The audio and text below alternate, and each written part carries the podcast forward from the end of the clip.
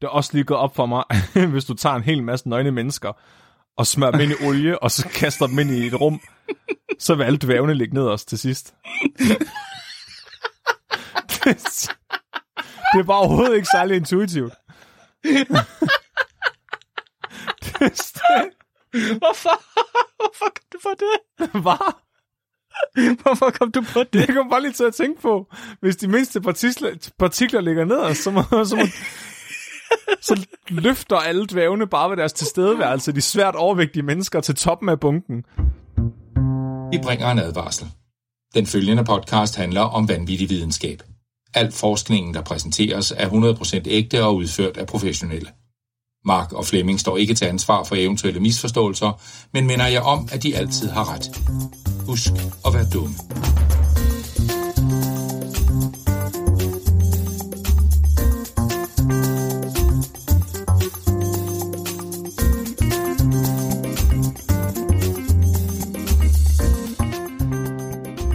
Hej, og velkommen til Videnskabeligt Udfordret, din bro til vanvittig videnskab. Jeg er jeres øh, smeltede cheddarost, Flemming. Og jeg er den største af nødderne, Mark Lyng. Mm, uha, den allerstørste. den allerstørste. Hold da, vi har også lidt madtema i dag. Ja, det, det lader jeg også godt mærke til, da du sagde, at du skulle fortælle om ost. Ja, men Det havde jeg ikke regnet med. jeg ved ikke, om det er, fordi meget sådan ubrugelig videnskab handler om mad. Wow, wow, wow, wow, wow, wow, wow, wow, wow. Nu vil jeg lige... Det synes jeg ikke er fair. Det synes du ikke er Mad fair? er rimelig... Nej, mad er rimelig vigtigt. Jeg synes ikke, du bare kan hate som på mad. Nå, undskyld. Nej, men jeg synes bare, ærligt. måske, altså jeg synes mad er rart at spise, men måske at lave videnskab om det, det er måske lidt ubrugeligt. Det forstår jeg simpelthen ikke. Det er virkelig væsentligt at lave videnskab af mad, Flemming. Hvordan skulle du ellers finde ud af, hvad den bedste mouthfeel er på din uh, cheddar sandwich? Åh, oh, gud. Hallo? Jeg, jeg prøver mig frem for fanden. det er da også videnskab, kom Hvordan, on. hvordan vil du kvantificere mouthfeel?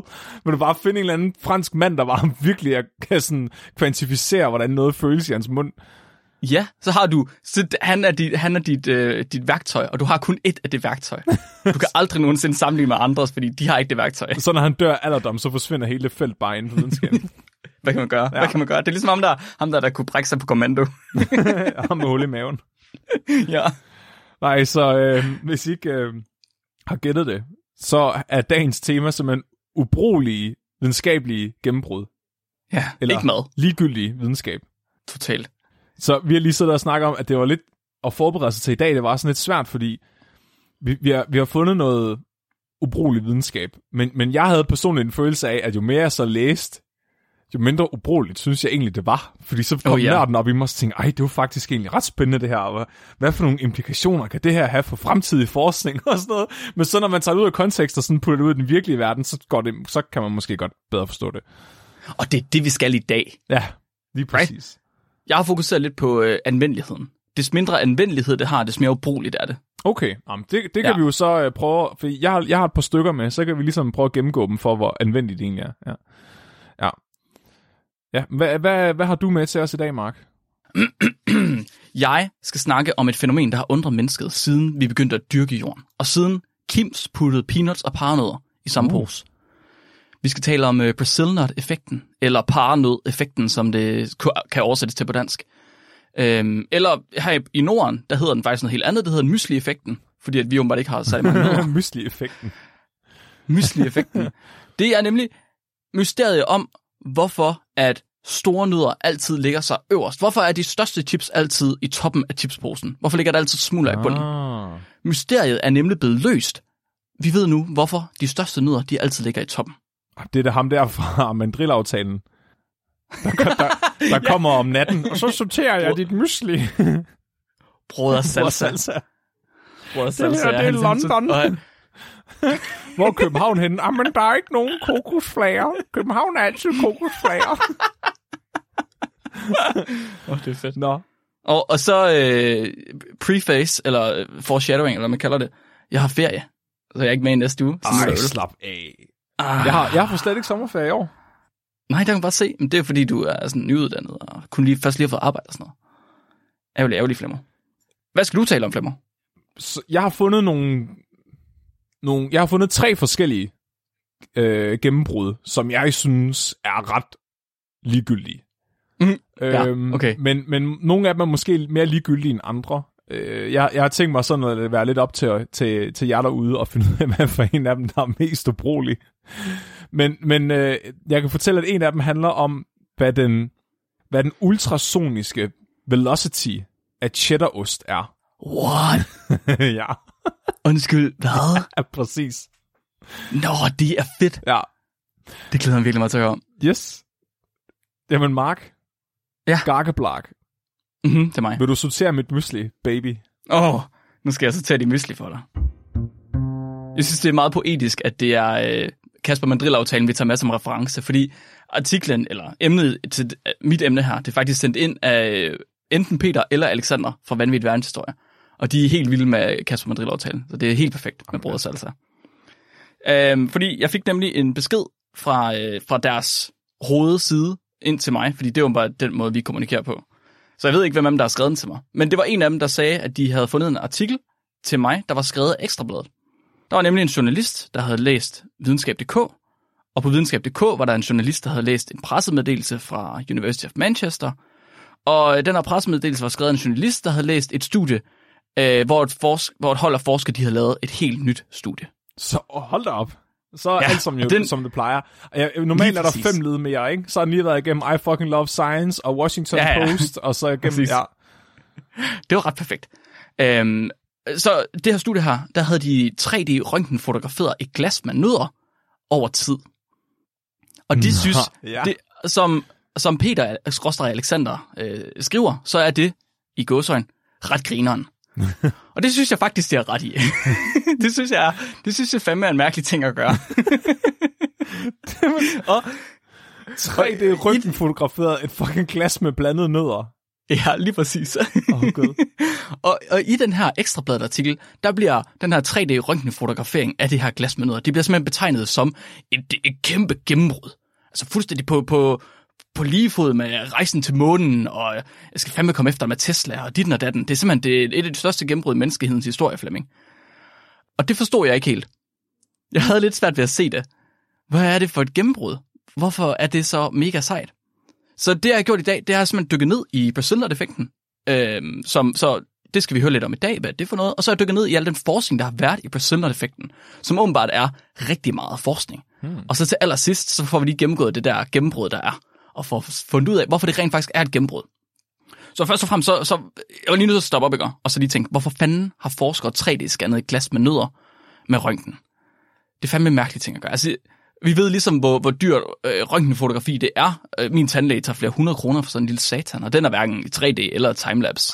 Du skulle have nogle nødder i munden imens, så kunne det være, du fik Måske rabat. skulle jeg have nogle nødder i munden Ja, imens. Ja. Så hvordan i alverden, altså hvad i alverden er det for et projekt at smide så mange penge efter? Jeg tror, jeg ved det. Øh, ja, Jeg tror, at... Øhm, så min far, han er hobbylandmand. Så jeg, altid, Mhm. mm-hmm. jeg har altid skulle hjælpe med at samle sten. ja, Og det er så fucking irriterende, at altså de her sten, som er så røvtunge, at jeg kan få ødelagt mm-hmm. min ungdomlige ryg, at skulle samle dem op, af en eller anden grund alligevel flyder ovenpå ja. ude i jorden. Altså, hvad sker der? Hvorfor bliver de ikke liggende der, hvor de er? Jeg tror, der er en landmand, der bare har tænkt, fuck, jeg hader mit liv. Eller også er der sønnen af en landmand, der har tænkt det, og så er han blevet videnskabsmand, og så har han tænkt, jeg knækker koden, så aldrig nogensinde er noget barn, der skal samle sten i sit liv igen. Ej, øh, Du har højst sandsynligt ret. Måske ikke lige med landmand, der bliver forsker, men i hvert fald så, altså sten i marken er et pissegodt eksempel på Brazilian-effekten, hvor at tunge eller store øh, hvad hedder det, partikler, som kampesten jo er, at de simpelthen ligger nede i jorden, og så bliver de lige så stille trukket op til overfladen, hvilket overhovedet ikke giver mening. Hvorfor gør de det? De er jo meget tungere end det, der ligger ovenpå dem. Så det er sådan, at alle, alle landmænd ved, at den bedste, altså den mest produktive afgrøde i hele verden, det er kampesten.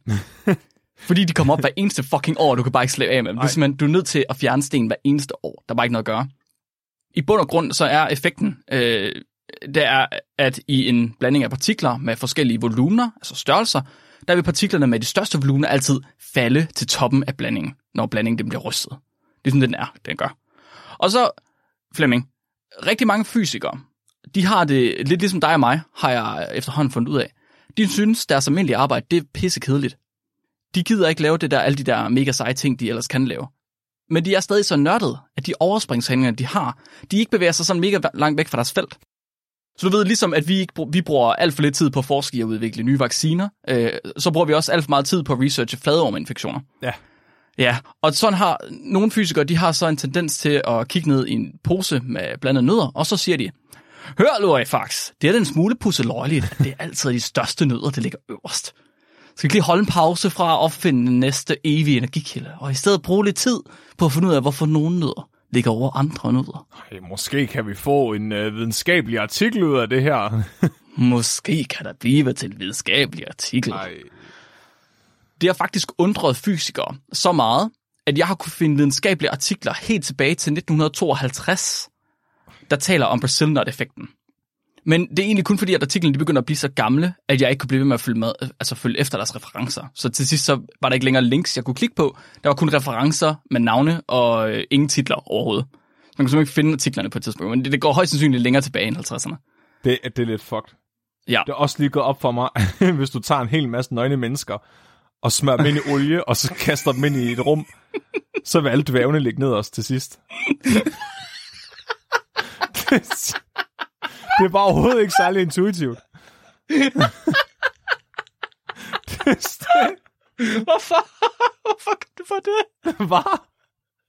Hvorfor kom du på det? Det kom bare lige til at tænke på. Hvis de mindste partikler, partikler ligger ned, så, må, så, må, så løfter alle dvævne bare ved deres tilstedeværelse de svært overvægtige mennesker til toppen af bunken. Jamen, du er faktisk nødt til at skal ryste systemet. Der skal vibrationer til. Så du er nødt til at putte dem ind i et hoppeborg eller sådan noget. Bare give dem alle sammen Viagra. Ja. Nej, Fuck, sikkert. det giver overhovedet ikke mening. Jeg kan godt forstå, at folk har undret sig over det her meget længe. Mm-hmm. Det, og det er det, det, det, der er ligesom hele ideen. Der. Folk de har undret sig helt vildt meget over det. Og det største problem har ligesom været, at man har haft sindssygt mange hypoteser om fænomenet. Man har haft idéer om, hvad det er, der sker. Man har godt kunne se, okay, eller vurdere, okay, det er måske det her, der ligesom gør, at effekten den opstår. Men man har aldrig kunne forudsige, og man har aldrig kunne kontrollere, hvad der præcis vil ske. Så hvis man for eksempel puttede nødder ned i en skål med ris, øh, så ved man ikke, hvor mange ryst, der for eksempel skal til, for at få nødderne op til toppen. Det kan ikke, de kan ikke øh, forudsige det, simpelthen. Nå, Man ved ikke, øh, hvor meget kraft, der skal til for at få dem op. Man, øh, hvis man nu vibrerer skålen, hvilken frekvens er så den bedste til at få nødderne op? Er der forskel på det? Hvis jeg ryster hurtigere, ryger de så hurtigere op, eller lader de være med at ryge op? er det sådan noget kaosteori, ligesom vejret? At man bare ikke kan forudsige det? Det er tæt på. Ja. Ja. Jeg tror, vi begynder at komme til et punkt, hvor man godt kan. Okay. Men der er så mange faktorer, der spiller ind, at det er sindssygt svært. Altså, det er så komplekst. Jeg, jeg sværger, jeg har, jeg har læst noget af det mest komplekse fysik, jeg, jeg gider at læse. jeg kan holde til at læse. Det er lige til at få det i hovedet af. Øhm, så der har været alle de her mærkelige hypoteser her, alle de her ting her, og man har ikke rigtig forstået, hvorfor. Så det er ligesom det, de gerne vil forstå, de her fysikere. Hvorfor fanden er det, at min, min chipspose altid har de største chips i toppen? Man, man ved, at effekten den opstår kun, når partiklerne de er fuldt blandet. Altså, så de skal ligesom være i, i en beholder, og de skal være blandet. Så du kunne for eksempel tænke, okay, hvis jeg nu vil se, hvad der var, der skete, men så kan jeg da bare tage en glasbeholder. Right? Mhm. Og så vil jeg jo kunne se nødderne, der røg op igennem risene. Men det kan man ikke, fordi de skal være blandet, så de skal have, de store partikler skal have små partikler hele vejen rundt om sig, før det er, de begynder at bevæge sig opad. Nå, så du kan bare lave dem lag for lag. Nej, præcis. Så vil du ikke kunne se dem ude i siden. Huh. Det vil sige, at hvis du har nødder ude i siden af en glasbold, så du rent faktisk kan se dem, så vil de trænge ind i midten, før det de begynder at trænge op. Så man, er ikke, man kan ikke se, hvad der, der sker inde i systemet, og det er jo pisse besværligt. Fordi hvordan skal man så finde ud af, hvad fanden der, er, der sker? Så, øhm, så hvad er det, man har at, at kunne eksperimentere med? Hvad er det, man har gjort på det her? Altså, så man startede ligesom der i 50'erne, og fra 50 til 80, der var eksperimenterne alle sammen rimelig lavpraktiske. Det var ligesom at tage en blanding af store og små partikler, så blander man dem med hånden, fordi det øh, får dem ikke til at adskille sig ad. Og så ser man, om de forbliver blandet, når man så ryster systemet. Et af de ældste studier, jeg kunne finde tilbage fra 50'erne, de gør det her ved faktisk at smide en blanding af sand og grus ind i en tromle, og så drejer de tromlen, altså en sådan cementblander, basically. Og så har de sand og grus derinde, så drejer de den, og så finder de, at efterhånden som de drejer, så bliver de to partikeltyper adskilt. Så har du sand til at ligge i, øh, i bunden, mens du har grus til at ligge i toppen. Bum. Det er jo, altså så har de ligesom kunne se, hvordan det fungerer. Og øh, der var rigtig mange af de her studier der forsøgte at, at, at, at vide, hvad det ligesom er, der sker. Det er det, der hedder en, en, øh, en rundsorterer, er det ikke det? En rundsorter, det kan godt være. Ja, jeg har godt, min far han arbejder øh, med, at, med sådan noget jord og grus og sådan noget, og sortere Mhm. mm-hmm. haveaffald og sådan noget. Ja, det ser Ja, ja, det ser vildt ud. Fordi så ligger det, Det er så totalt i vildt. midten og rører ud. Ja, det, ja, det, det giver ingen mening. Ja, jeg synes, det er, det er sort magi. Ja, fuldstændig. Det virker totalt øh, uintuitivt for os. Ja. Altså, at, tæ- at tænke på, ja. Så det, man finder ud af i løbet af den her tid, fra 50'erne og 80'erne, det er, at, øhm, at en del af effekten er, at som du ligesom løf, øh, ryster blandingen her, så løfter du hele systemet. Så hvis du nu for eksempel forestiller, at du har det her glas med ris og nødder i, og du ryster det, du bevæger det op og ned, men så når du bevæger det op, og du slipper igen at bevæge det ned, men så ligger de jo i form for, øh, hvad kalder man det? Altså De svæver. tyngde, ja, de svæver, så svæver det lige pludselig. Ja. Så er det ligesom er hul under dem. Ja. Og når der er hul under dem, så er det muligt for de små partikler at lægge sig under de store partikler. Nå. Giver det mening? Det er derfor, jeg altid, når jeg er i hoppeborg, kommer til at hoppe oven på de små børn. Præcis, Flemming. Det er lige præcis derfor. Ja. Og det er derfor, du også lægger dig øverst i hoppeborgen. Ja, ja. Det er lige præcis det. Fordi så når du, når du har lagt dig oven på de små børn, så kan de ikke komme nogen vegne. de kan ikke bevæge sig væk igen, fordi de ligesom, de fanget af Flemming. Og Flemming, han kan, så Flemming, han kan ikke komme ned. Han kan kun komme op. Det er derfor, jeg ikke komme på mere og lande på flere her. børn. Præcis, Ja. Præcis, præcis, præcis. så øh, de store partikler, de lægger sig ligesom oven på et nyt lag af små partikler, og så kan de, uden at de små partikler, de kan komme op igen, og de store partikler ikke kan komme ned igen. Mm. Så efterhånden, så bliver du ved med at ryste. Så kan du se, at de store partikler, de bevæger sig mere og mere opad, indtil de til sidst er i overfladen. Og den her effekt, det kalder man perkulering. Og det finder man simpelthen ud af, at den effekt, den fandtes ved at undersøge den her, det, her, det her fænomen. En anden effekt, det er en form for fysisk omrangering af partikler, hvor partikler ligesom bytter plads under vibrationen. Det kan også forekomme. Mhm. Så allerede her, der har vi to effekter, der, der forårsager det her fænomen, men det er, det er slet ikke komplekst nok endnu. Altså, det bliver langt, langt værre, Flemming. Man opdagede, at den her effekt, den forekom med alle mulige blandinger af partikler. Og man så, at vibrationer, rotationer, whatever, hvad man nu el brugte af blandemetode, at det, øhm, at det ville adskille partikler af forskellige størrelse.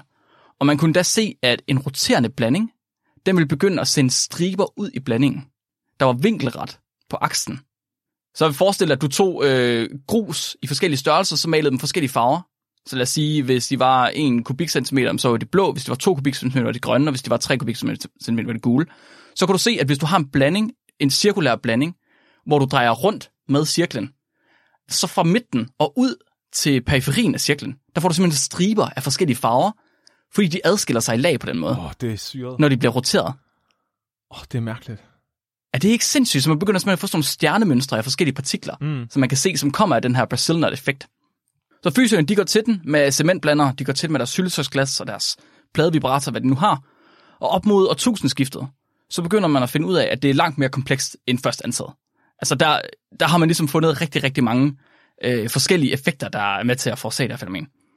Nogle forskere, de forsøger at genskabe det under vand, og de opdager, at hvis vand det er involveret, så er effekten meget stærkere, end hvis den er under luft.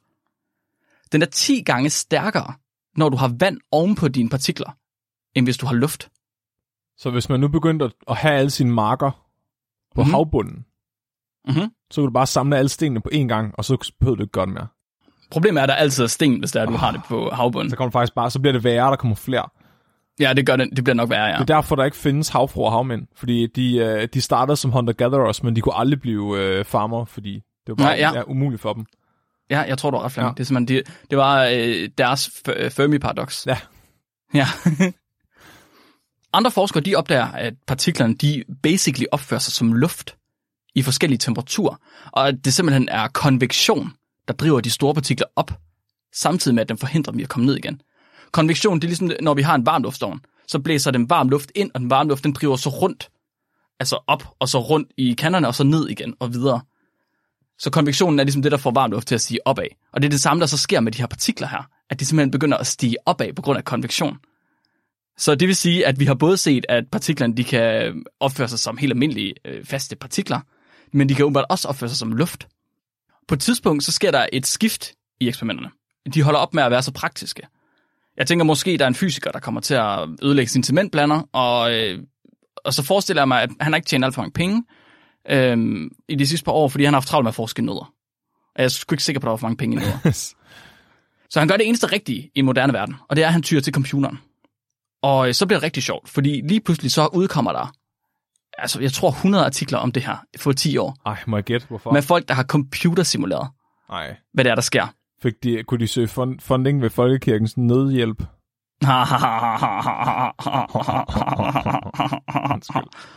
Så i år 2001, der udkom der et studie, hvor to forskere, de havde sat sig ned, og så havde de uh, åbenbart valgt at simulere ris og mønter i et syltetøjsglas. Ris og mønter i et syltetøjsglas. Ris og mønter Jeg synes, det et var nemmere at simulere det på en computer, end bare at tage et fucking syltetøjsglas og putte ris og mønter i. Ja, Øh, hey Henning, har du en femmer? Nej, nå. Så simulerer vi den kraftige med bare. Nå, men jeg kan tegne den til dig i Paint. Her har vi noget mobile pay. Kan du bruge det? Okay, så de her to forskere her, de sidder og simulerer ris og mønter i et sylteglas og simulerer den her rysten, der ligesom er. Og så opdager de, at temperaturen åbenbart også er en væsentlig faktor for, at partiklerne de adskiller sig. De ser simpelthen, at to partikler med forskellige størrelser, at de har nogle forskellige ligevægtstemperaturer. Det betyder, at partiklerne de kan kondensere. Og det her det er mønter, vi snakker om. Det er ris, vi snakker om. Du kan ikke kondensere ris. Det giver jo ikke mening. Det er jo ikke, det er jo ikke flydende. Det bliver jo ikke til damp. Men de kan simpelthen se, at i systemet, der fungerer det som om, at de kondenserer som en gas, der bliver til en væske. Ikke? Og så hvis temperaturen den er rigtig, så kondenserer de store partikler. Så falder de til bunds, fordi de bliver faste. De kan ikke bevæge sig længere. Men de små partikler, de ligger stadig i et lag, hvor temperaturen den er så høj, at det er en flydende fase, basically. Så jeg ved ikke, om du nogensinde, har du set den der Mark Rober-video, hvor han øh, laver øh, sandbad? Nej. Så der, han har en video, hvor han fylder et badekar, eller en, et boblebad med sand, og så fylder han luft i den. Og når du fylder luft i den, det er lidt det samme som at vibrere alle de her, alle de her partikler her. Og hvis du fylder luft i et kar med sand, så bliver det ligesom en væske. Ej, det er fucking Og så kan du, mærkeligt. du kan lægge dig ned i det. Og hvis du så stopper lufttilstrømningen bagefter, så sidder du fast i det, fordi det bliver fast. Det er udenbart det samme, der sker her. Når du ryster glas, syltetøjsglasset med ris og mønter, så er det, så er det flydende. Øh, men hvis det er en vis temperatur, så er det kun flydende for de små partikler, og ikke for de store partikler. Jeg skal aldrig i en sandkasse igen. Du skal aldrig i en sandkasse Nej. igen, Flemming. Du kan blive Det er fanget. kviksand jo. Ja. Men ved du, hvad det vilde er, Flemming? Nej. At når du, finder, når du får det her, så får du lige, at de store partikler, de falder til bunden, og ikke til toppen. Og det er noget rigtig pis, fordi nu er du lige pludselig, har du noget fat i noget andet. Nu er du fat i den omvendte Brazil Nut effekt. Så der findes både Brazil Nut effekten og den omvendte Bras- Brazil Nut effekt. Nu må det der mysli kraftedeme bestemme sig for, hvad det vil. Ja, det kan jeg love dig for. Og det er så mod, det var så modsigende, så uintuitivt, at en af reviewerne til artiklen, han insisterede på, at det ikke var korrekt. Det kan ikke passe, sagde han. Det må være en fejl i jeres programmering. I må simpelthen have fucket op i. Altså, må være nogle dårlige simulær, simulører. Det, hvad det er klassisk reviewer, det der. Totalt. Så redaktøren på tidsskriftet, altså personen, som øh, udvælger artikler til udgivelse, han var simpelthen nødt til at påvise eksperimentet på sit eget skrivebord. Så han tog en krukke med sand, og så tog han en let genstand og en tung genstand. Og så viste han, at den tunge genstand øh, faldt ned til, til bunden, mens den lette genstand faldt op til toppen, fordi det er, de havde forskellige temperaturer. Er det ikke fucked? Er det ikke mega fucked? Hvorfor? Altså, der, jeg, jeg siger dig, vi lever i en simulering. Det der er en bug. Det, det, det, det bliver patchet i, øh, i Life 3.0. Altså, det, det, det er en glitch i virkeligheden. Det giver ingen mening. Fuld 100%. Så computersimuleringer, de hjælper i de her par år her, de hjælper til at påvise, at Brazilian-effekten, den består af tre forskellige effekter. Altså, der er både den omvendte og Brazilian-effekten, og en tredje, jeg faktisk ikke kan huske, hvad hed. Jeg glemte at skrive noget. Det er også lige meget. Øh, men også, at den skyldes mindst fem forskellige mekanismer, som kan få st- store partikler til at ryge op igennem små partikler og lægge sig på toppen. Det er ultra komplekst det her, Flemming. Ej, det er så... Altså, det, vi, snakker, vi snakker metodologi komplekst. Det, det, ja. Men vi har stadig ikke fundet ud af, hvad der, er, der sker inde i systemet. Vi har stadig ikke, hvad, hvordan ser det ud inde i den her krukke med sand? Vi kunne ligesom ikke bruge sådan en glaskrukke, fordi at partiklen ville bare falde ind i, i krukken, ikke? Og nu kommer vi så til gennembruddet, gennembrudsartiklen. Så det er en artikel fra i år, der har vist definitivt, hvad det er, der sker inde i systemet. Den er skrevet af Parmesh øh, Gajar og et hold af andre forskere, og ham og hans hold, de tog simpelthen de her eksperimenter til det ekstreme. Så de startede med at simulere et system med peanuts og parnødder, som man jo gør, i et, i et glas igen. Og så validerer de alt det, som alle andre forskere de også har opdaget de sidste 40-50 år. Og sådan noget. Men så er der en eller anden psykopat i deres forskerhold, der siger, hvis ikke vi kan se ind i systemet, så kan vi da bare røntgenfotografere det. Når min læge han skal kigge på mig inde i mig, så, så tager han røntgenbilleder, og det er simpelthen virker man ikke det. Det er bare brødre Salsa, der har fået en PhD. Det- Vi skal, vi skal røntgenfotografere myslingen. Det er bare fordi, der vil gerne se de der kokosflager, når de, når de bevæger sig op igennem mysli. Så ligger det så lige under, lige under Stockholm. Det. Så jeg tænker, at en fornuftig chef ville nok have taget ham her forskeren, der foreslår det her, og så klappet ham ind på siden af hovedet og sagt, det kan, nu skal du gå hjem. Det, du, du har det ikke godt længere. Men problemet er lidt, at de her forskere har nok været deres egen chefer. Så de får fat i en X-ray Computed Tomography scanner, altså en uh, røntgen CT-scanner, som er fordi- en almindelig CT-scanner. Det er fordi, jeg tænder på magnetisme. ah, men en værhane, den peger jo ikke mod magnetisk. Nej, men den peger, den peger mod nord. Høj, det er godt nok nogle store magneter, der sidder inde i den der røntgenmaskine.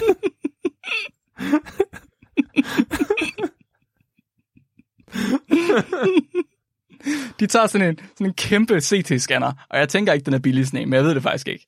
Jeg forestiller mig, at det er et par millioner. Sådan en, man kan stå ind i. Så tager de og et bord og sætter ind i den, og så sætter de sådan en vibratorkasse oven på bordet, og inde i vibratorkassen sætter de så deres lille syltetøjsglas med peanuts og paranødder. Og så scanner de et glas med helt ægte peanuts og paranødder. Ikke noget fancy her. Jeg ved ikke, der står ikke, om de var saltet, men altså, man kunne håbe. Det er en fejlkilde, det der. Og så ryster de dem, mens de scanner dem. Således, at de har 1201 billeder i tre dimensioner, taget over 13 sekunder. Og det har de gentaget 181 gange. Nej. Ja. Og man, altså, der er en eller anden, der har spurgt. Han har stået der, og han har, tænd, han har stået med de der peanuts der og sagt, hvad, men, men hvad kan vi bruge den til? Nu lukker du røven, Kenneth, og så tænder du for den CT-scanner, og så scanner du de peanuts. Jeg gider ikke. Jeg gider ikke det der, Kenneth. Åh, oh, kæft, mand. Det betyder, Flemming, at de har taget 217.500 billeder i tre dimensioner. Og jeg ved ikke, hvor stor deres setstack har været. Altså, det kunne sagt, de, de kunne sagtens have taget det, så det har været 100 billeder i sætretning. Og den der CT-scanner, den har bare været ude at spille et halvt år, fordi øh, så folk, de kunne ikke få røntgenfotograferet deres hjernetumor, fordi de skulle fucking røntgenfotografere mysli. Og desværre, Hanne, der er lige et halvt års ventetid. skal bare, bare, Jeg skal se, bare, jeg skal se hvordan noget det går hen. bare drikke masser af snaps. Hvorfor den er den nød? Så de har taget 217.500 billeder i tre dimensioner, for at finde ud af, hvorfor store nødder ligger øverst. Nej. Og det, de ser, det, gennem, det er banebrydende her, Flemming. Gennembrud, ikke? Skal du høre? Hør, hvad de finder ud af. Hør, hvad de finder ud af, Flemming. Er du klar? Er, er, du, er du med? Jeg ved ikke helt, om jeg kan klare svaret. Er du klar, Jeg Flemming? kan ikke håndtere sandheden. Ved du, hvad der sker? Nej. Ved du, hvordan paranød ser ud? Jeg ligner det sådan en cashewnød eller sådan noget. Ej, den er dråbeformet, og den er ret stor. En mandel. Øh, jeg er en stor mandel. Okay, Sådan tre gange så stor som mandel. okay. Ja, dråbeformet. Det er en mærkelig nød, så. Ja, det er en mærkelig nød. De finder ud af, at den her nød her, den, når, hvis den starter med at ligge ned, fladt ned, horisontalt, så drejer den. Så den rejser sig så op. Den rejser sig op. Og så går den opad. 217.500 billeder i tre dimensioner er taget på en CT-scanner. Okay, så dvævene, de, dvævene, de vil ende med hovedet nedad, og fødderne opad. Og så de store, tykke mennesker, de vil ende med hovedet opad dværgebunken. Ja. Okay. Ja, lige præcis, Ja. lige præcis, lige præcis. Ja, okay. Lige præcis. Det Men er det er lidt fuld, for uroligende. kan du mærke det? Det er fuldstændig banebrydende. Det er, det er de, prøv at, de har røntgenscannet et glas med nødder, for at finde ud af, at nødderne, de vender sig, når de bliver rystet. Det er kraftet med med sindssygt, mand. Det, okay, det Men okay, okay, okay. Okay, okay, okay, okay. Lad os lige falde ned igen.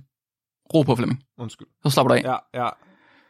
Så det, jeg sad sådan lidt, og så tænkte jeg, det her det er sindssygt.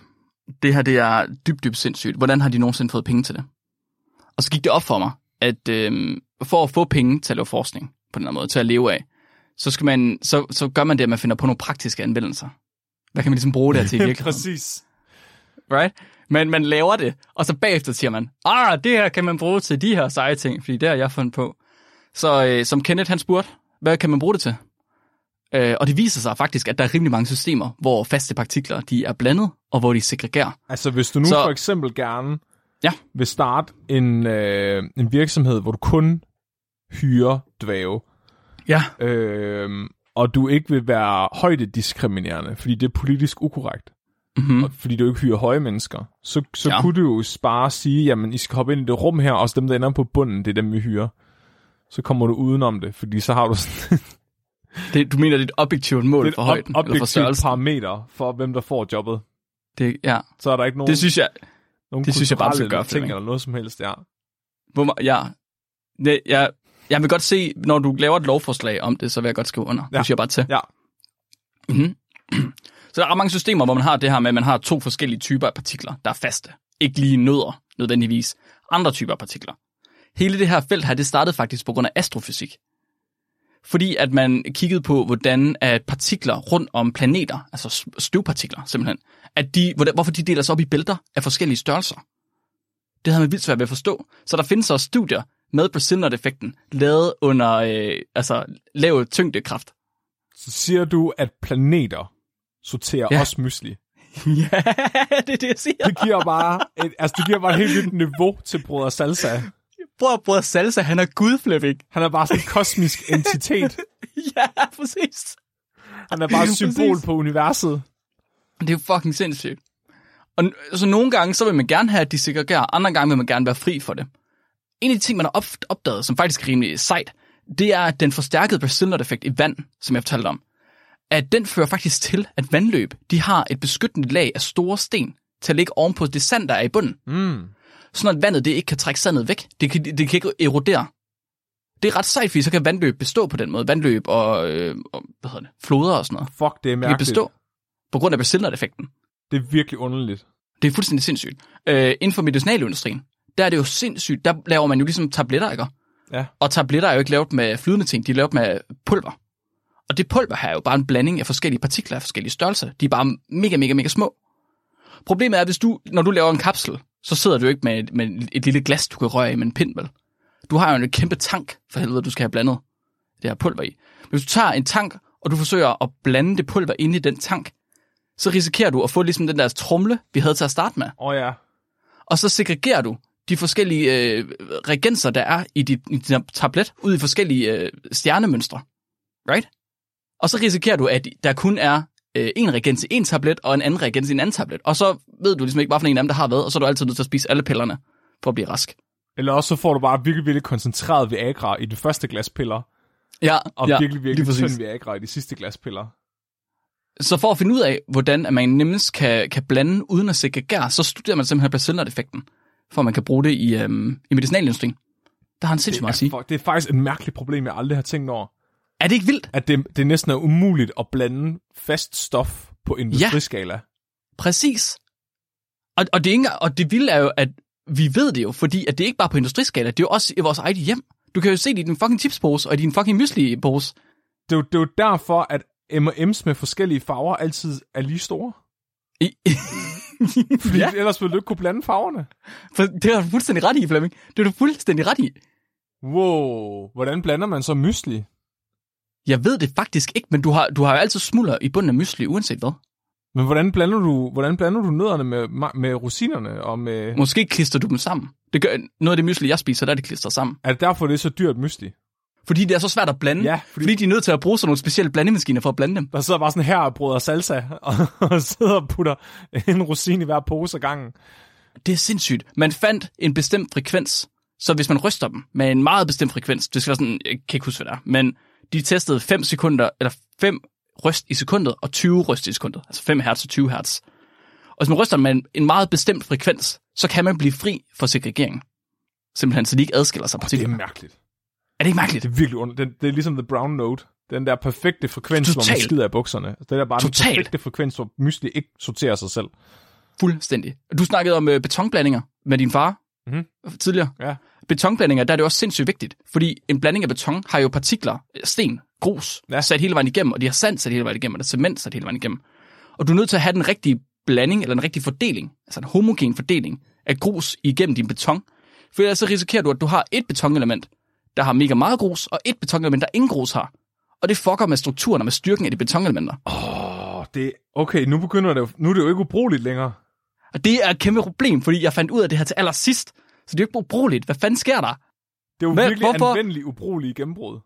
Hvor er det irriterende, at fysikere, de kunne sidde, og så kunne de pille sig selv i navlen og kigge ned i deres pose med nødder, og så kunne de fandme komme med et fucking gennembrud. Hvorfor? Det kan jeg jo ikke. Åh oh, gud, de har fikset, de har fikset øh, en bug i virkeligheden. Totalt. Totalt. Men ved du hvad, Flemming, ved du hvad jeg tænker er den bedste anvendelighed for den her? Nej. Det vi kan bruge den til allermest. Det er altid pisse irriterende at få det der støv til sidst i posen. Medmindre man godt kan lide det. Mm-hmm. Og hvis man godt kan lide det, så er det her øh, også rimelig godt. Man vil gerne have det bedste til sidst i virkeligheden.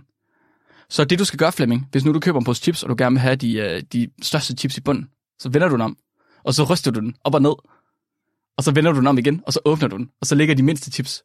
Du kan også bare vente, når man åbner den bagfra. Okay, ja, kom i tanke om. Det er det, man altid skal gøre med mysli, fordi chokoladestykkerne ligger i bunden. Haha, der kan du bare se. Så får du det første, den første portion, får du alt chokoladen, så kan alle de andre spise Der kan du det også se. Der der. Præcis, præcis, you fucking got it, mand. ja. Så jeg håber, at de blev lidt klogere på Brazilian-effekten, øh, på de utallige gennembrud, forskere de har haft i deres studie af den, og på hvorfor at forskere de simpelthen synes, den er så utrolig sej, som de gør. Det var, tak Mark. Det var Velbekomme. virkelig en god historie. Det, det er jeg glad for, du synes. I dag, der øh, kommer jeg simpelthen til at tale om ost. Ja, Og jeg synes, det var lidt angstprovokerende, fordi jeg træder jo i en, i en kæmpe fodspor i at, i at tale om ost på den her podcast. du, jeg synes faktisk, det er lidt unfair, at du gør det før trilogien den er afsluttet, Flemming. Ja, men, men sådan er det jo også tit med, øhm, med Hollywood-film og sådan noget, ikke? Så øh, begynder det at udgive prequels og øh, pro- alle mulige mærkelige serier og sådan noget, inden de overhovedet har lavet filmen er færdig. Okay, så du er i virkeligheden en promovering for, at der kommer en Ost med Robin 3. Jeg er Netflix-udgaven af Ost med Robin. ja. Så øh, velkommen til Ost med Flemming. Så jeg skal tale om cheddarost, og jeg skal tale om den ultrasoniske velocity af cheddarost. Jeg viste, jeg viste lige, øhm, jeg viste den her artikel, øh, der var på arbejde i dag, så viste jeg artiklen til en postdoc, øh, vi har øh, fra Spanien. Så viste jeg ham lige, hvad titlen var, og hvad abstractet var. Og så flikkede han bare fuldstændig af grin, og så sagde han, Hvem, hvad fanden er det for nogle idioter, der giver penge til sådan noget forskning? Åh, oh, hvor er det vildt, jeg glæder mig. Ej, hvor er det godt. Og så viser det sig, at det er fucking spanske forskere. Nej. Så vores spanske postdoc står der, og kæft mand. Åh, oh, det er fedt. Det var virkelig bare et priceless moment. Så titlen på artiklen er Ultrasonic Velocity in Cheddar Cheese as Affected by Temperature. Og den er udgivet i Journal of Food Science i år 2006. Så hvad er den ultrasoniske velocity? Jeg ved ikke, om der er et godt ord for velocity på dansk. Hastighed. Men, men er det hastighed? Fordi det har også noget med retning at gøre. Ja, men det hastighed i fysik er den retning. Fart, det er uden retning. Tak. Ja, Den fart, det er ultras- speed. Den ultrasoniske hastighed af cheddarost. Yes. Og hvordan den bliver påvirket af ostens temperatur. Jeg har, jeg har meget svært ved at se, hvad er det for en hastighed, osten har? Ja, så okay, så det er mega mærkeligt at få sit hoved rundt om det her, fordi øh, de populære artikler, der har dækket det her, de har talt det om det, som om de har målt hastigheden på en ost. Men det- Den er, den er vel 0. Min ost. Præcis. Jeg er ret sikker på, jeg havde cheddar til at ligge i køleskabet i morges, og jeg er ret sikker på, at den stadig ligger der. Øh, præcis, og, og, det, og det, det, det giver bare ingen mening. Og, og det var også sådan, at jeg læste først og tænker, okay, what the fuck, og så tænker okay, det giver mening, når jeg læser artiklen, og det giver bare overhovedet ikke mening, når du læser artiklen. så jeg er ligesom nødt til at finde ud af, altså, hvad, hvad fanden betyder ultrasonisk hastighed? Mhm. Og det har åbenbart overhovedet ikke noget med hastighed at gøre. Nå, Det, det er, så ost, der er ikke nogen, der kaster med nogen ost i den her artikel. nu fik du mig lige op at køre, Flemming. Hvorfor ikke det? Nej, så det, så det, det handler om, det er, at du skyder ultrasoniske lydbølger igennem et materiale, og så får du den ultrasoniske hastighed tilbage, som er en, en hastighed, der er påvirket af partiklernes bevægelse i materialet. Åh, oh, vi har, jeg har engang lavet noget mikroskopi, eller prøvet noget mikroskopi, der hedder CARS, Ja. hvor man også sender nogle, øh, no, hvad hedder det, elektro, Elektromagnetiske... elektromagnetiske ja. bølger, tak, Nå. ind igennem ting. Så for eksempel, så kunne man sende ind igennem en ost, og så de forskellige partikler, der var, øh, altså forskellige molekyler, der var i osten, de vibrerede med forskellige hastigheder. Det kunne man så simpelthen se i mikroskopet. Oh, Det var ret sindssygt, fordi det- de sendte øh, lys tilbage. Og det er ret sejt. Ja, Hvorfor laver du sådan nogle seje ting? det var, det var faktisk ved Jonathan Brewer, men det kan vi tale om en anden dag. Ja, okay. Så, så det er lidt det samme, man gør her også, altså som jeg forstår det. Altså, mm-hmm. det er jo meget, meget komplekst, og øh, det er fysik, men jeg har været inde og se videoer af folk, der bruger de her apparater, man måler det med, og læser forsøgsopstillingerne. Og det, det, det, det de gør, det er, at de pumper ultralyd ind igennem et materiale, og så Ja. ja. de vibrationer, der bliver sendt tilbage af materialet, fortæller noget om, hvad det er for et materiale. Okay, sejt. Og øh, ultrasonisk lyd, det er lyd, der ikke kan høres af menneskeøret. Så det er noget ved en meget, meget høj eller meget, meget, meget lav frekvens. Ja, okay. Ja, så det, og i, de, i de her tilfælde, der er der noget med en meget, meget, meget, meget høj frekvens, Mhm. som man sender igennem materiale. Og det er også noget, for eksempel øh, en ultralydsrenser, som man kan bruge til smykker, sender ultralyd igennem materiale, for at smadre for eksempel skidt partikler og sådan noget, for at rense det. Hmm. Sejt. Så måden vi, materialet og partiklerne i materialet vibrerer på, fortæller os noget om materialet. Og det er skidesmart til for eksempel byggeri, fordi så kan du teste om noget stål, der holder den her bygning op, det er ved at gå i stykker, uden at skære det over. Nå, det er smart. ja, fordi hvis du nu ved, hvad den ultrasoniske hastighed er for, øhm, jeg føler virkelig hastighed er et forkert ord til der, på den her stålpille er, øh, når den er ny, så kan du også måle, om den så er begyndt at nedbrydes. Kan vi kalde det koefficient i stedet for? Koef- Ja, skal vi ikke gøre det? Jo, ultrasonisk koefficient. og. Det er bare sådan et tal. Ja. Eller tal. Måske bare tal. Måske bare tal. Det ultrasoniske tal. Ja, lad os sige det. Ja. Men, men okay, så man kan finde ud af, om stålpillerne, eller betonpillerne, de er i gang med at gå i stykker. Ja. Men Flemming, hvorfor helvede har man så sendt ultralyd ind i en ost? Hvad med cheddarost, Mark? hvorfor det? Hvorfor vil... Åh, oh, for satan, Carsten, jeg tror, den her ost er ved at gå i stykker. du kan prøve at tage en skive af den. Ej, det har jeg fandme ikke lyst til. Har du? Jeg gider ikke ostefingre. jeg vil hellere smide den ind i vores ultralydsmaskine. det er ligesom, når man sidder ved morgenbordet, man bare får den samme person til at skære ost til alle, fordi så er der kun en, der får ostefingre.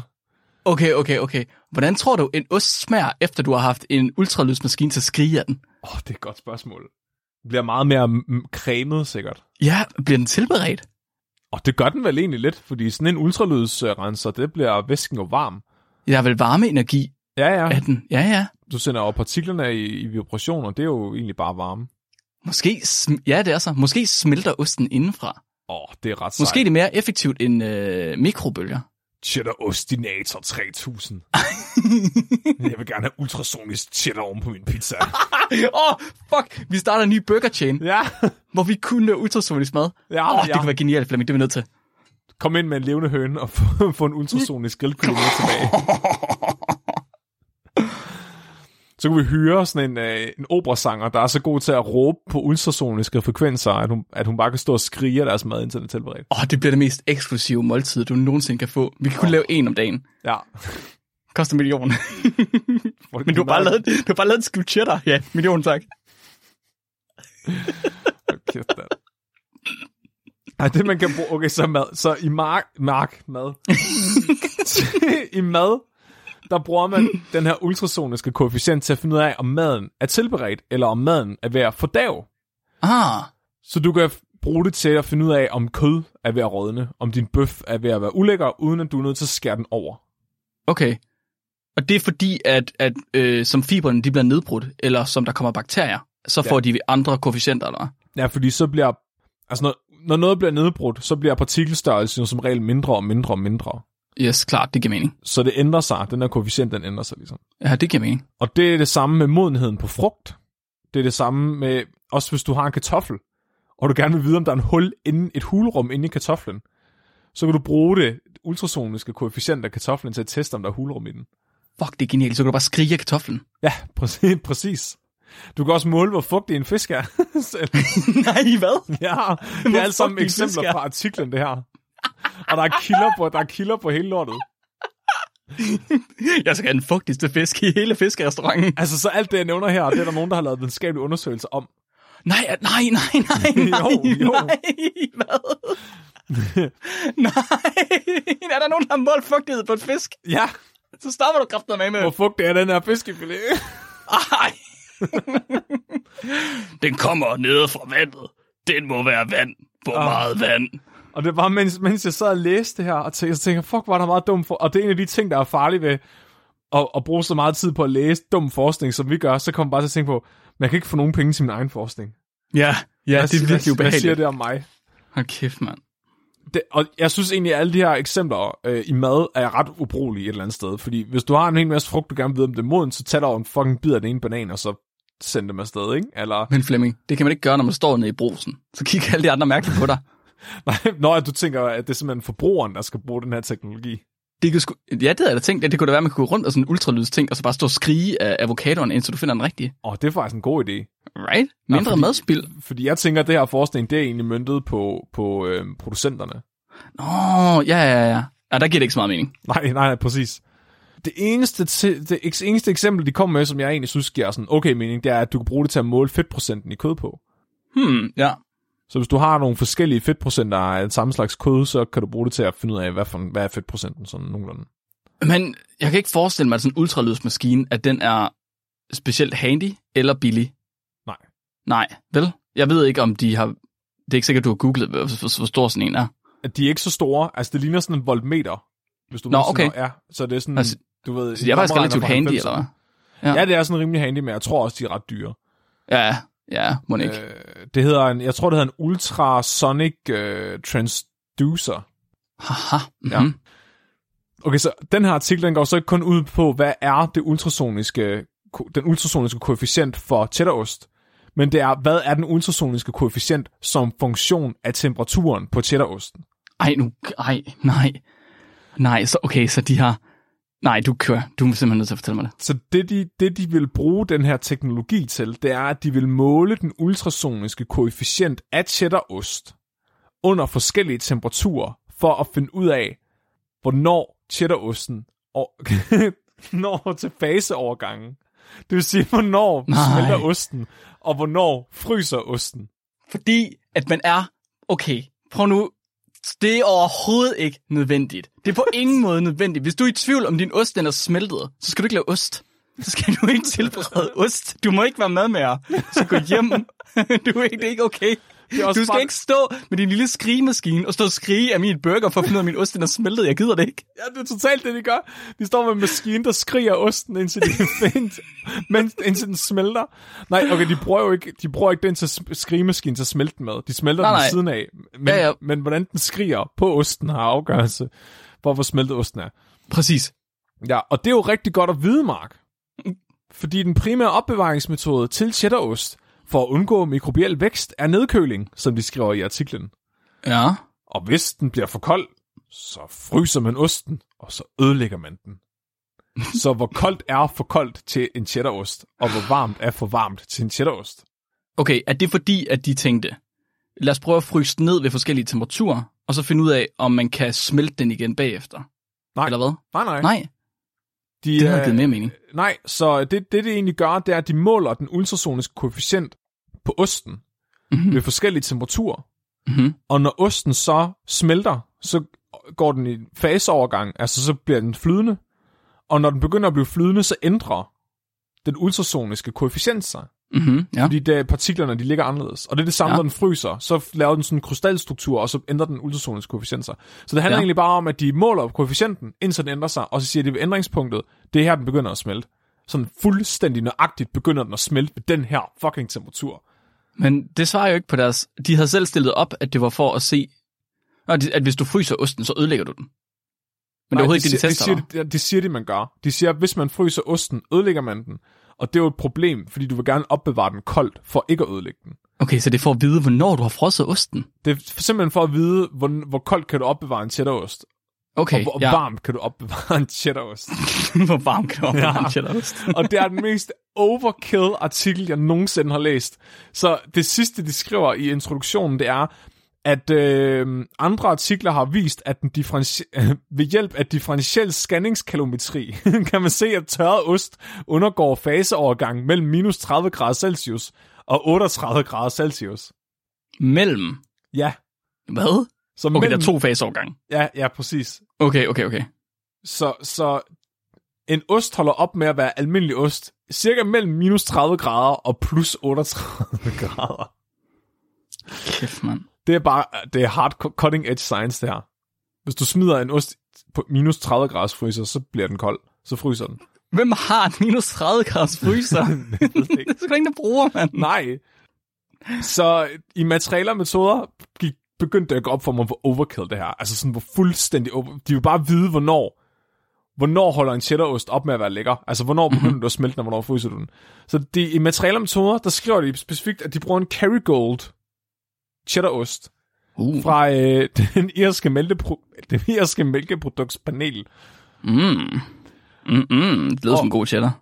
Den her ost, den bliver testet på forskellige temperaturer ved hjælp af det her differentielt scanningskalometri. Nej, Aha. undskyld. Ved, hjælp, ved at, ved at, altså ved at, at sætte osten ved forskellige temperaturer, og så måle det ultrasoniske koefficient af osten. Ja, ja, ja. Hvad for en temperatur tror du, de starter ved, og hvad for en temperatur tror du, de slutter ved? Fordi nu ved vi, andre, ost, andre tørrede oste, det er minus 30 til 38 grader. Men så starter vi vel der. De starter ved minus 60 grader, og så varmer de cheddarosten op til 250 grader for at sikre sig, at osten den ikke stadigvæk ikke er flydende med fucking 249 grader.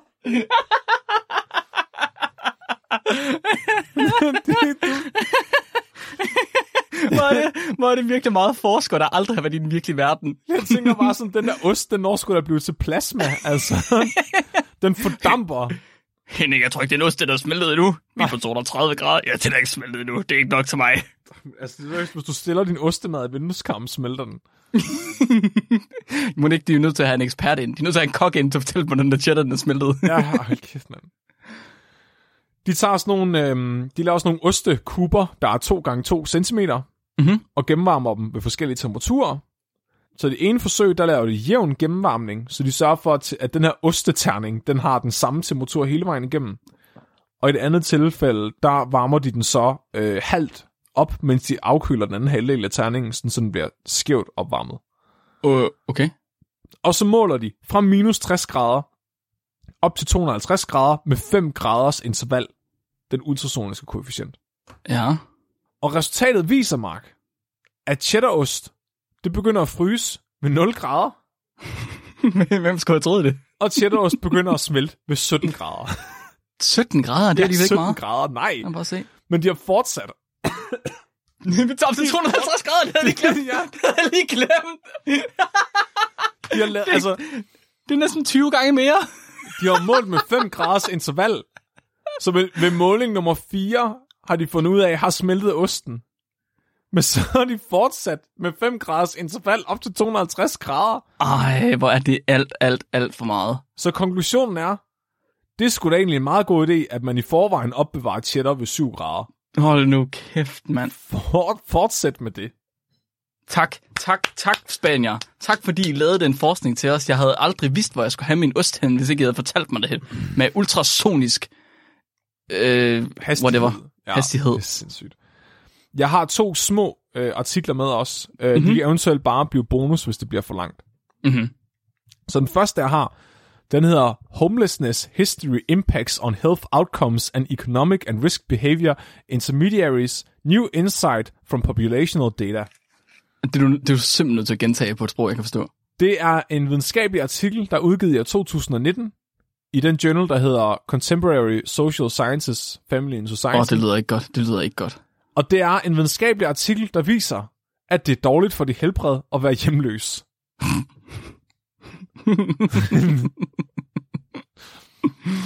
Mm-hmm. Og de finder, de, de, de, unders, de har lavet en, de har fået data fra sådan en, et, et, et spørgeskema, eller det er sådan, de, man har ringet til en hel masse mennesker i Washington. Man har ringet til 10.143 mennesker og fået dem til at svare på nogle spørgsmål omkring deres liv.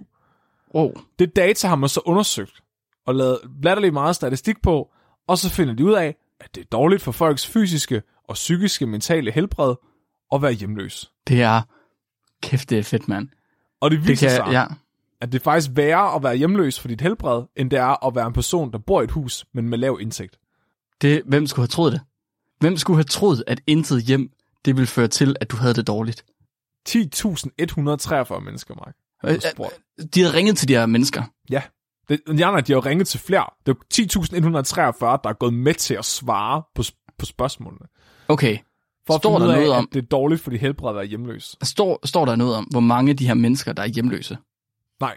Øh, øh, Nej. det, gør der, det, kan jeg, det gør der sikkert, jeg kan huske, jeg, jeg har ikke Okay. læst det. Okay, næste spørgsmål. Hvornår, øh, det var lavet i 2019. Okay, så det er mobiltelefonen, de ringer til. Men data var fra 2011. Okay, så der kunne godt være nogle øh, fastnet. Det er i virkeligheden måske lidt ligegyldigt. Hvor mange hjemløse har en telefon? Og det var, måske de ringede til nogen, og så spurgte om de alligevel stod ved siden af en hjemløs, om de kunne få røret. Står du i nærheden af en hjemløs? Ja, det gør jeg. Hvordan ser han ud? Men han har det sgu ikke så godt. Det er godt, den skal jeg prøve her. Ej, jeg gider faktisk ikke svare på dine spørgsmål lige nu. Okay, kan du så ikke lige... Er, er der en hjemløs nærheden, du kan stikke telefonen til i stedet for? Ja, det er fint. Du, øh, du, øh, du får ham lige. Hold kæft, mand. Det eneste, der var sådan lidt interessant ved det, det var, at de finder ud af, at det, altså, at det, selv hvis du så er hjemløs, altså hvis du så får et hjem, så er, det for, så er det fortsat en risikofaktor for dit helbred, hvis du på noget tidspunkt i dit liv har været hjemløs. Okay, ja, det er jo faktisk en lille smule interessant. Ja, det er ret mærkt, så det var også lidt interessant alligevel. Jeg kan godt høre, at vi to vi har forstået opgaven øh, forskelligt. Ja. At du har, du har tænkt øh, gennembrud, som ikke rigtig er gennembrud. Ja. Og jeg havde tænkt gennembrud, man ikke kunne bruge til noget. Ja. Men, men, men alligevel, Mark, det er jo, man ved jo godt, at de der fucking store ting i mystikken ligger øverst. Ja, ja, det, okay, du har ret, du har ret, du har ret. Så der, der, det er man har ikke rigtig gennembrud. op- det, er jo, det er jo kendt viden, man bare har bevist med True, videnskab. true, ja, true. Ja, Jeg kom, det, jeg, kom, jeg kom bare lige til at det gik først op for mig nu, at det var, at det var der. Ja. ja. Og så har jeg Okay, en hvad er den tredje, sidste? Ja. Ja. Den tredje sidste. Den hedder Extreme Positive Allometry of Animal Adhesive Pads and the Size Limits of Adhesion-Based Climbing. En artikel fra 2016, der er udgivet i Proceedings of the National Academy of Sciences of the United States of America, også kendt som PNAS. Jeg, jeg tror, jeg forstod den. Ja. Er det, hvor stor kan et dyr blive, før det ikke klister fast til væggen længere? Ja, lige præcis. fuck ja. jeg vidste det. Det her, det er en videnskabelig artikel, der beviser, at Spider-Man ikke findes. Ja.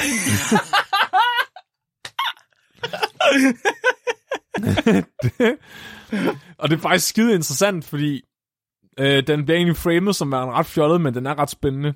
Eller, Mhm. den, den starter med at være spændende, men så det, de finder ud af, det er ret kedeligt.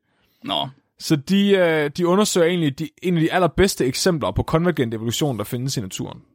Altså evolution, hvor, hvor, hvor de samme dyr har udviklet den eller forskellige dyr har udviklet den samme evne uafhængigt af hinanden. ja, øh, og det, og det er simpelthen klisterfødder, eller hvad? Ja, der er åbenbart virkelig, virkelig, virkelig mange dyr overalt i dyreriget, som har fået evnen til at klistre fast på ting og kravle op af dem, uafhængigt af hinanden. Det er også ret genialt i virkeligheden. Ja, øh, det er totalt genialt. Og, Ja. og altså, eksempler er myrer, midder, æderkopper, geckoer, fluer og frøer. Ja. Altså, du har nærmest, altså, du har pattedyr, du har krybdyr, du har insekter, du har, altså, du har paddedyr, du har alt muligt forskelligt, Mhm. som kan det her. De vil gerne finde ud af, hvor meget der skal til for at hænge fast, jo større man bliver. Mhm. Så det er en af de her skaleringsstudier. Ligesom det studie, du engang har snakket om, med jo, jo hvor meget tisser dyr, jo større de Mhm. bliver. Ja. Og det gør de ved at undersøge 225 forskellige arter af dyr, som kan klistre fast til ting. Så de undersøger volumen af dyret i forhold til, hvor stor en overflade har de, der kan klistre fast til noget. Så for det meste, så er det jo deres, øh, hvad hedder det, poteaftryk, eller deres fodsål, eller deres gribeklør, eller hvad fanden de har, øh, sådan nogle myrer. Og så viser det sig, at hvis du tager det mindste dyr, som er en mide, og sammenligner med det største dyr, som er en gecko, så bruger geckoen 200 gange så meget af sit overfladeareal på at hænge fast, proportionelt til dens kropsstørrelse. Okay, ja, ja, ja. Okay, så den skal have, den skal have 200 gange så store fødder i forhold til dens krop, som Ja. ja. myren skal. Som miden skal jeg. Og miden skal, sorry, Ja. ja. ja. Og det, det er simpelthen på grund af den her square cube lov, som vi har snakket om mm-hmm. før, at hvis noget bliver dobbelt så stort, så bliver det meget, meget, meget tungere alligevel. Altså ja. Ja. fordi du overfladearealet stiger, men volumen stiger meget mere. Og det er derfor, ja. at der er nogle mærkelige ting i biologien af store dyr. Ja, ja, altså Så- det er jo fordi arealet står i anden, men volumenet står i tredje. Præcis. Ja. Det er derfor, elefanter har psykopat tykke ben, fordi Ja. deres vægt er bare latterligt høj i forhold til deres overflade. Eller, Mhm. Ja, det er, og det er derfor, de er bedre, nemmere ved at holde varme og sådan noget. Så, hvis man bruger, og det er så noget, de har gjort ved siden af, øh, det står ikke i den videnskabelige artikel, øh, men det er sådan noget, de har gjort ved siden af, hvor de så siger, at hvis Spider-Man han så skulle findes, hvis man så anvender den her sammenhæng, de har udledt på de, ved de 225 andre dyr, så kan man se, at 40% af Spider-Mans overfladeareal, det skal simpelthen være klister. Hvilket vil sige, 80% af forsiden af Spider-Man skal han bruge til at hænge fast på ting med. det vil sige, at man, ikke kunne, jeg vil nærmest ikke engang kunne løfte en arm for at kravle op, uden at han ville falde ned. Men det, okay, så det betyder, at man kunne ikke have Spider-Man, men man kunne godt have Lavman. Åh, oh, ad. Nej, fordi larven giver jo også slip på en ret stor del af sin overflade. Gør den det?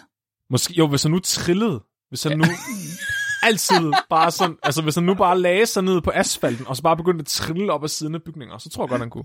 Fnugrulleman. Fnugrullemand, ja. Den videnskabelige, korrekte udgave af Spider-Man er en flugrulle. det er virkelig åndssvagt. Men sådan en, du ved, sådan en, du ved, sådan lidt øh, s- smattet flugrulle, som sådan splatter ud, sådan så overfladearealet, der rent faktisk rører ved noget, er tyk nok. Åh, oh, det er ligesom de der, kan du huske de der hænder, man havde, der var på sådan nogle øh, silikone slapsticks ting, som du Ja, kunne klaske ja. hovedet på folk. Sådan en har jeg engang sådan haft. Sådan en fik jeg til en fest, hvor jeg brugte den på at klasse dig med hende, så du rev den i stykker. Nå, det kan da godt være, ja. det er dem, der er ulovlige nu, fordi de kvæler børn. Nå, Eller ej, det gør lige meget. Prøv at det er en del af ens opvækst. Det synes jeg også. Men sådan, nogle, sådan noget klisterværv, ja, ja, ja, for Ja. fanden. Prøv hvis et barn ikke kan overleve af en klisterhånd, så kan et barn ikke overleve livet. Nej, det kan man jo så se tydeligvis. Ja. Ja. Gør, lad naturen gøre sit arbejde, øh. Evolution, evolution er der en grund. Ja. Men hvis han skulle have den her, det her klister på sine fødder, så ville han skulle bruge størrelse 145 i sko. 145, Ja, det er, Det er rigtig, meget. rigtig meget i sko, Flemming. rigtig, rigtig store sko. Hvad er du, hvad er du bruger i sko? Men Jeg bruger 49.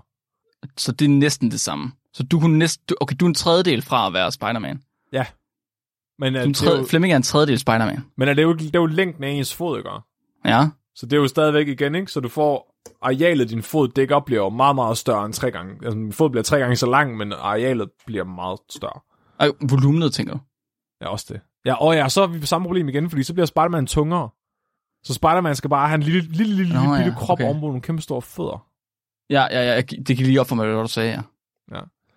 Ha, ja, det kan jeg godt se. Så det, de egentlig konkluderer, det er, at geckoen er den øvre grænse for, hvor stor... Hov. Så geckoen er den øvre grænse for, hvor stort et dyr kan være og stadig klistre. Okay, men det kan de jo ikke bare, bare fordi det er det eneste, de har set et eksempel på. Ja, og, og det siger de også til sidst, at de, de vil ikke udelukke, at der findes mere effektive måder at hænge fast på. Fordi de kunne se, når de sammenlignede forskellige frøer, der havde samme størrelse, så var nogle af dem, havde deres klisterareal var mindre. Så det vil sige, at de har noget bedre biologisk klister end andre. Ja, ja, ja, ja, ja. Men okay, det, ja, altså, hvor, hvad skal det være for noget klister? Hvorfor, hvorfor har de ikke kigget på sådan noget som fugle, træløber? Right? Hvad med dogndyr? De hænger sgu da også fast i ting. Altså, de har kigget, jeg har ikke hele listen med. Altså, de har også kigget på flagmus og sådan noget. De har pattedyr med. Nå, det gælder også. Okay. Ja. Nå, men det var mere sådan, for det lød som om, de kunne have taget dem, som kunne sætte en hånd eller en flad ting på et, et træ eller sådan noget, så kunne de hænge Jamen, fast. altså biologisk klister. Biologisk klister. Ja, så du det må, ved- ikke være, det, det må ikke være en klo. Nej, Nej. det skal Okay. være de der mikroskopiske velcro-kløer. Man Ja, ja, okay, okay. Men så kan de jo virkelig, så kan de jo definere deres egen, altså, det kan de jo bare sætte, hvad de har lyst til. Det er jo ja. totalt snyd, det her, Flemming. Det er totalt biased. Men altså, det er jo også ligesom, at, altså, og, altså, hvis du tager, hvis du, nej, det må jeg ikke sige på podcasten. jo, hvad siger du? Kom nu. Det er bonus, Flemming. Vi klipper det ud. det er bare, hvis dit barn nu kommer og siger, Mark, Mark, jeg vil gerne have velcro-sko, der har de andre børn, og du så går, hen, du så går hen og tager en fucking økse, og så hakker ned i foden, så skoen sidder fast, og, og vel, har velcro. Prøv at høre, der er ikke forskel. Det bare en stor krog i stedet for 900 milliarder små kroge. Du skal bare sparke hårdt nok. Ja. det er psykopatisk sagt, Flemming. Shit, mand. Okay, man. Okay, så nu ved vi simpelthen, øh, hvilken temperatur cheddarost det smelter, og hvilken temperatur man skal opbevare det på. Ja, tak. Det er... Ja. Gennembrud. Hvilket gennembrud. Hold nu op. I næste uge, der er Mhm. Mark ikke med. Mm. For Jeg er anden gang nogensinde. Jeg har ferie. Jeg Er det, kun det anden, er, det, er det kun anden gang nogensinde, du går glip af et afsnit? Jo, det tror jeg faktisk. Første gang, det var til øh, Werner von Braun. Ja, det havde du det lidt dårligt med, kan jeg huske. Det havde jeg det. Men det, var, det er okay nu. Altså, det er okay. Der var jeg også på ferie, tror jeg. Nu har du fået taget din, øh, din absence mødt om, Oh ja. Yeah. Oh ja, ja, ja. så nu er du bare klar. Nu så, øh, skal jeg fucking på ferie, mand. I næste uge, der er det mig og Nikolaj, der skal lege. Mhm. Og Nikolaj, han har bedt om, at han gerne vil tale om høns med mig. Mm, det var sådan, Så- det foregik. Næste uges afsnit, der øh, er jeg så gået med til, at øh, mig og Nikolaj, vi skal snakke om høns. Flemming, jeg lægger, jeg lægger samtalen op. Nej, prøv at. Jeg lægger samtalen op. Nikolaj, han ringede til mig klokken 2 om natten, da han så, at Mark havde skrevet det, og så sagde han, Flemming, Flemming, Flemming, kan vi ikke godt snakke om høns? Jeg har så meget, jeg gerne vil tale om. Jeg, jeg ved godt, at du synes, at det er ved at være lidt træt af det, og synes, det er et udpint emne, men kan vi ikke godt bare tale om høns et helt afsnit? Flemming, jeg har fysiske beviser. Og så sagde jeg, prøv at Nikolaj, jeg skal lige, jeg skal lige tænke over det. der bliver spurgt, der bliver spurgt i chatten, hvor længe du holder ferie, Mark. de vil allerede have mig tilbage. nej, nej, nej, nej. De, bare, de vil gerne vide, hvor, hvor mange gode afsnit de får af podcasten. Så det er kun i næste uge, at jeg er med. Allerede ugen efter er jeg med igen. Så bare roligt. Jeg skal til Bornholm og vandre i en uge, og så skal jeg holde ferie i en uge mere, og så kom, jeg når lige præcis hjem til at kunne forberede mig til afsnit om onsdagen. Slap af. Det bliver perfekt. Det bliver perfekt. Dit, øh, du, du kan lave sådan en øh, Pablo Escobar, hvor du bare går og kigger tomt ud i, i, på Hammers hus, Ja. kigger tomt ud i luften og tænker på podcasten. Jeg skal stå med alle mine t-shirts på, så skal det være sådan, ah, jeg savner jer. Så ja, det kan I glæde jer til. Mhm. Mark, har vi nogle lytterspørgsmål i dag? Åh, oh, Flemming, vi har simpelthen så mange lytterspørgsmål. Vi når, jeg er ikke sikker på, at vi når at komme igennem dem alle sammen. Men vi gør vores bedste. Jeg vil godt, på forhånd, så vil jeg faktisk godt sige tusind tak til alle dem, der smider øh, spørgsmål og beskeder til os. Vi får simpelthen så mega mange søde beskeder. Det er helt vanvittigt overvældende. Det er simpelthen så fedt, at der var en øh, for nyligt, der skrev ind og spurgte, øh, hvad det var for et afsnit, hvor vi snakkede om, om man kunne slukke en ildbrand med et menneske. Fordi hun skulle, hun skulle vinde en dum øh, diskussion. Og det er bare, så kan man ligesom hjælpe en, en, en stakkels videnskabeligt udfordret lytter med at vinde en dum diskussion. Og det er jo det, der er meningen med podcasten. Det er det præcis det, der mener med podcasten. Så Og, og man kan fylde... At man, kan, man kan lave small talk med virkelig ubrugelig videnskabelig viden. præcis. Det, prøv, at- det er det eneste, jeg bruger podcasten til. Det er at Ja. lave small, på, altså small talk med mine kolleger. Og det, og det fungerer den rigtig godt til. Men, lytterspørgsmålet i den her uge, den er sendt ind af Lukas Sandkilde. Øh, og Lukas han skriver ind og spørger, hvordan ville en fødsel se ud, hvis barnet udviklede sig fra ægcelle til foster helt uden stamceller? Jeg forestiller mig, Flemming. Uden stamceller. Ja. Så, okay. Skal vi lige... Hvad er stamceller? Ved du, hvad der stamceller gør, Flemming? Kan du huske det? Ja, ja, okay. Så, Jamen, hvad er det, de så, så, så en stamcelle er ligesom en universalcelle, som ikke er blevet programmeret til noget nu. Så det, der er Ja. ret fucked up, det er jo, at alle vores celler i vores krop, uanset hvorfor, om det er en knoglecelle, eller lever, eller, øh, eller om det er et, et røv, en røvhårsfollikel, så har de alle sammen nøjagtigt det samme DNA i sig. Ja. Og, og det DNA, det rummer opskriften på at lave alting i din krop. Men alligevel, så er der noget, der bliver til en røvhårsfollikel, og noget, der bliver til en levercelle og sådan noget. Og en stamcelle, det er sådan en, en ung celle, der endnu ikke har fået et job. Ja, præcis. Så, så en stamcelle får så mulighed, den får så tildelt et job af kroppen på et eller andet tidspunkt, og får at vide, du skal bruge den her del af dit DNA, tillykke, du bliver en røvhårsfollikel. Ej, fuck, jeg vil virkelig gerne have været en neuron. Hold nu kæft, What is my What is my job? You pass butter. Øh, Okay. Ja, så, så, så en stamcelle, og de er, der fostrer fucking mange af dem, og det er derfor, det er skidesmart, hvis man er vampyr og gerne vil leve for evigt, øh, eller har Amazon og suge rygmagen ud af en hel masse. Præcis. Skal man drikke rygmarven på børn? Ja, vi har dem, og voksne mennesker har dem også i deres krop, i, i, rundt omkring. Ja, for vi er nødt til at have dem, fordi vi skal hele tiden udskifte vores gamle celler med nye celler. Ja, og når man holder op med at dræbe fostre, fordi man fandt ud af at lave stamceller kunstigt. Altså man fandt ud af at få bakterier til at gå tilbage til at være en stamceller. Det var ret Ikke mærkeligt. bakterier. Nej, Hudceller. undskyld, celler. Ja, celler. Jeg er arbejdsskadet. Du, ja, du er miljøskadet. Ja.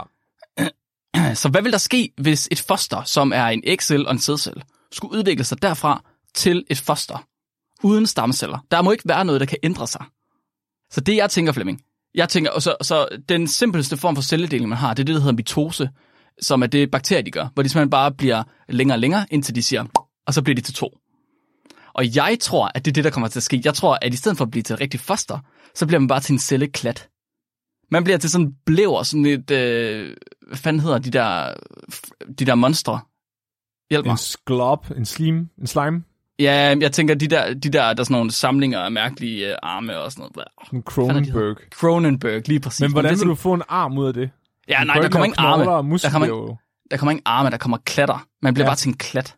Ja, det bliver sådan en homogen masse. Præcis. Der er ingen øjne, der er ingenting, man er bare en klat af celler. Det bliver det klamste. Det bliver som det der blobfish. Dem der dyb, de der dybhavsfisk, når du trækker dem op, så, se- så er de bare sådan en klat. Ja. Har du set dem? Ja, ja, jeg har godt set. Ja, de er for ulækre. Det er det, jeg tror, der vil ske. Jeg tror, øh, men alligevel, Mark, du har jo for eksempel bakterier. Det ved du med biofilm. At hvis de ligger op på overfladen, Ja. kan de, så, kan de, så laver de sig selv om. Ja, det er så rigtigt. Hvis du bruger den der metode øh, os, så kunne det jo være, at vores celler specialiserede sig til at mærke, om de var inde i midten eller udenpå. Ja, og så kunne det, de er, jo godt ændre sig en lille smule. det er rigtigt. Det er en mulighed. Så at encellede organismer stadig er flercellede organismer i godsøjne. Det kunne Ja, så du, kunne- du, kunne blive en, en, du kunne blive en glob med en skorpe på. Ja. Ligesom skiltet på en okay, okay, okay, okay. Du vil være, du vil være sådan en øh, vanddråbekage, som når du stikker i den, så eksploderer du. Åh oh, ja. Altså, fordi jeg sad og tænkte på, hvorfor flere celler? Hvorfor ikke bare én celle? Ligesom troldesmør, at du bare bliver sådan en stor celle, Oh. der bare vokser og vokser og vokser. Ja, ja. Sådan øh, ligesom de der, øh, de der sygdomsbakterier, der er med i Powerpuff-pigerne. Det er bare indtil første gang, der er nogen, der giver dig en high five og laver hul på, din, på den meget, meget tynde membran. Så ryger al øh, væsken bare ud af dig, og så dør du. Oh, det må også være virkelig ubehageligt, det kunne jeg godt tænke mig. Jeg synes, at hvis vi en dag finder ud af, hvordan man kan fjerne stamceller fra mennesker, altså alle stamceller, så skal vi have testet det her. Du kan bare give dem noget radioaktiv stråling. Kan du ikke lave nogle flere børn, Flemming? jo, hvor mange vil du have? Jeg skal bare tre triplikater er fint for mig. Okay, så skal der være trillinger jo. Ja, ja, det vil faktisk være rigtig rart. Jeg er nødt til at se, hvad der er, der sker, Ja. hvis det er, at øh, de ingen stamceller har. Men det er, ja, det er en aftale. Men Ja, jeg, det, jeg tænker, radioaktiv stråling er vejen frem, ikke? Fordi så, så fjerner du ligesom alt celleliv. i det, må, det må kunne lykkes med radioaktiv stråling. Ja. ja. Tusind tak for spørgsmålet, Lukas. Det er jeg mega glad for, at du stillede ind. Det er perfekt. Helt perfekt. Det er ret, det er kun min hjerne, der laver sådan noget. Ja, det er meget smukt. Nå, Mark. Mhm. Har du lyst til at fortælle folk, hvad de skal gøre? Men de skal gøre. Hvad skal de Det gøre? er fuck, altså prøv at høre, vi beder, vi beder ikke om noget her. Vi beder, beder ikke om noget. Vi beordrer. I, nu, nu stopper I med jeres pis. Nu, I, I, nu tager jeg sammen, og så går I ind, og så, så følger I os på Facebook. Flemming, er det nok? Er det godt nok? Jeg kan ikke holde til det. Det er ikke så sjovt. Mark, du skal afpresse. Det er jeg meget vigtigt. det. Jeg har læst det. Men jeg At, det, at folk elsker at få at vide, hvad de skal gøre, og så skal vi give dem dårlig samvittighed, for det kan de godt lide. Du har kun, du har kun læst Dostojevski, du ved ikke en skid. Nej, undskyld. Det Nej. har jeg ikke. Jeg lader bare som om jeg har, fordi... Men, må jeg, okay, må jeg godt bede dem om nej, det? nej, nej, okay, jeg ved det. Vi okay. Giver dem en challenge. En chat? Ja, det er en god idé. Det er sådan noget rigtig YouTuber noget. Øh, ja, ja, ja, sådan noget. Øh, Mark, han giver sig selv en losing for hver øh, like, vi får på... Nej, vi får ikke nogen likes. Okay, så den første, der kom... Nej. Hvis du godt, hvis du godt vidste, at cheddarost smeltede ved 250 grader, så gå del det her afsnit med din hund. Din hund kan også godt lide cheddarost. Mark, vi, vi er gode til det her. Ja, det kan I ikke bare blive ved med at høre alle vores afsnit, og fortælle jeres venner om at høre vores afsnit, og øh, det er faktisk bare det eneste, vi gerne vil have. Det er mega fedt. Vi er mega glade for, at øh, folk de hører det, og vi er mega glade for, at folk de øh, følger os på Facebook, og at de er med i vores gruppe ind på Facebook, og vi har folk, der sidder på Discord og koncentrerer, koncentrerer kommenterer, som De de gør lige nu. faktisk hjælp lige nu. Det er, det er mega Vi fedt. får, De at sidder vide, og fortæller, hvad det er, vi får lige at vide i vores øresnegl, at iTunes reviews er godt for algoritmen.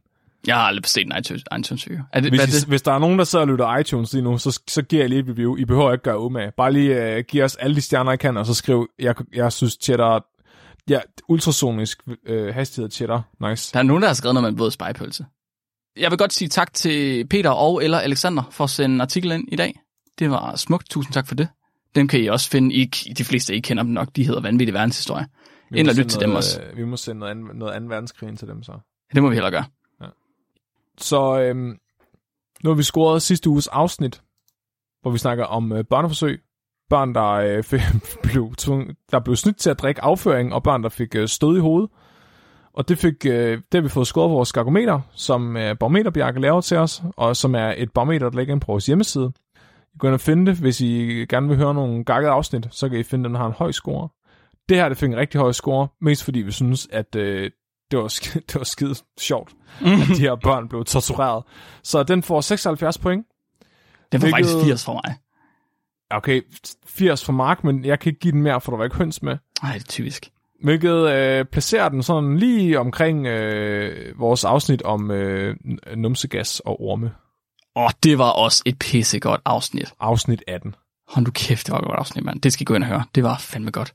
Og det placerer heldigvis afsnittet over vores afsnit øh, tomatsuppe, øh, som kun fik 10 point. Det er den absolut laveste score, det kan få. Kæft, mand. Cool. Mhm. Mark. Ja. Giv mig det dyrefakt, Mark. Åh, oh, det kommer her. Dagens dyrefakt er sendt ind af Jonas Bamser Andersen, som også var vores øh, gæst for et par uger siden. Og Bamser han har skrevet ind, at øh, der var et studie under corona, der har påvist, at katte de foretrækker at sidde i firkanter. Også selvom man ikke specifikt tegner firkanterne.